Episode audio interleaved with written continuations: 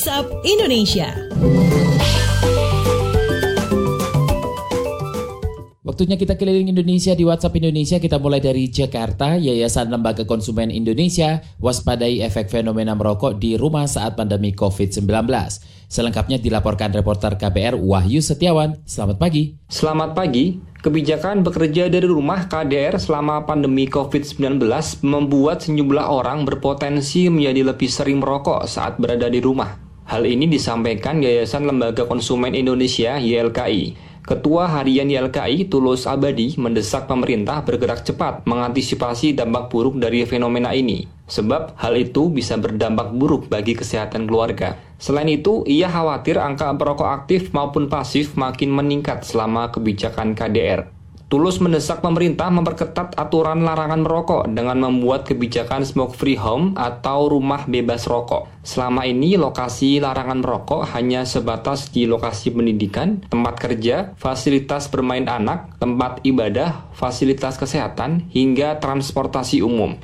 Ia juga meminta pemerintah membuka data pasien positif corona yang juga merupakan perokok aktif. Data itu nantinya bisa dijadikan instrumen penguat bahwa perokok memiliki risiko besar terinfeksi COVID-19. Demikian, saya Wahyu Setiawan melaporkan untuk KBR. Selanjutnya ke Bekasi, Jawa Barat, Wali Kota Bekasi larang warga zona merah sholat Idul Fitri di zona hijau. Lebih lanjut kita dengarkan reporter KBR Mutia Kusuma Wardani. Selamat pagi. Selamat pagi, Pemkot Kota Bekasi, Jawa Barat melarang warga yang tempat tinggalnya berada di zona merah mengikuti sholat Idul Fitri di Masjid Zona Hijau. Wali Kota Bekasi Rahmat Effendi mengatakan, pemerintah daerah akan menyiapkan petugas di setiap akses masuk daerah zona hijau untuk berjaga-jaga. Bahkan apabila ada warga di zona hijau yang mengikuti sholat Idul Fitri di masjid yang berbeda alamat RW dengan domisilinya, maka petugas akan melarang. Petugas akan memberikan sanksi administratif kepada para pelanggar. Kebijakan ini keputusan bersama Forum Koordinasi Pimpinan Daerah dan Pengurus MUI Kota Bekasi.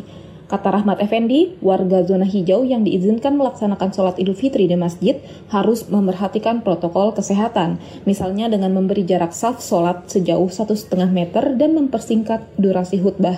Hasil keputusan itu akan dilanjutkan dengan penetapan pelaksanaan sholat idul fitri dan akan menunggu dikeluarkannya fatwa MUI.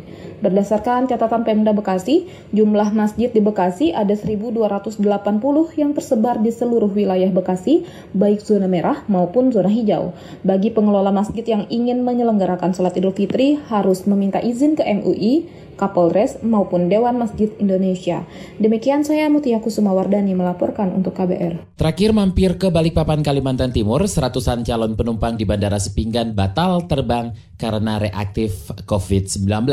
Kita simak kontributor KBR Teddy Rumengan. Selamat pagi. Selamat pagi. Sebanyak 135 calon penumpang dari sejumlah kota dan kabupaten di Kalimantan Timur yang akan berangkat melalui Bandara Internasional Sepinggan Balikpapan ditolak terbang pada H-5 Lebaran. Kepala Dinas Kesehatan Kota Balikpapan Andi Sri Juliarti Selasa kemarin mengatakan mereka tak bisa melanjutkan perjalanan karena hasil rapid testnya reaktif. Kata dia sebagian langsung menjalani isolasi di Wisma yang disiapkan pemerintah kota Balikpapan, sebagian lagi pulang kembali ke daerahnya dan ada menjalani isolasi yang disiapkan perusahaan. Menurutnya dari 135 pasien yang hasil rapid testnya positif itu, sebanyak 43 langsung menjalani uji swab yang dikirim ke Surabaya dan hasilnya belum keluar. Dia pun meminta agar calon penumpang yang akan berangkat melalui Bandara Sepinggan Balikpapan agar melakukan rapid test di daerah masing-masing. Seperti diketahui, salah salah satu syarat untuk bisa terbang harus mengantongi surat bebas COVID-19 atau hasil rapid test negatif, selain surat tugas dari perusahaan masing-masing. Demikian saya Tiri Ruman melaporkan untuk KBR.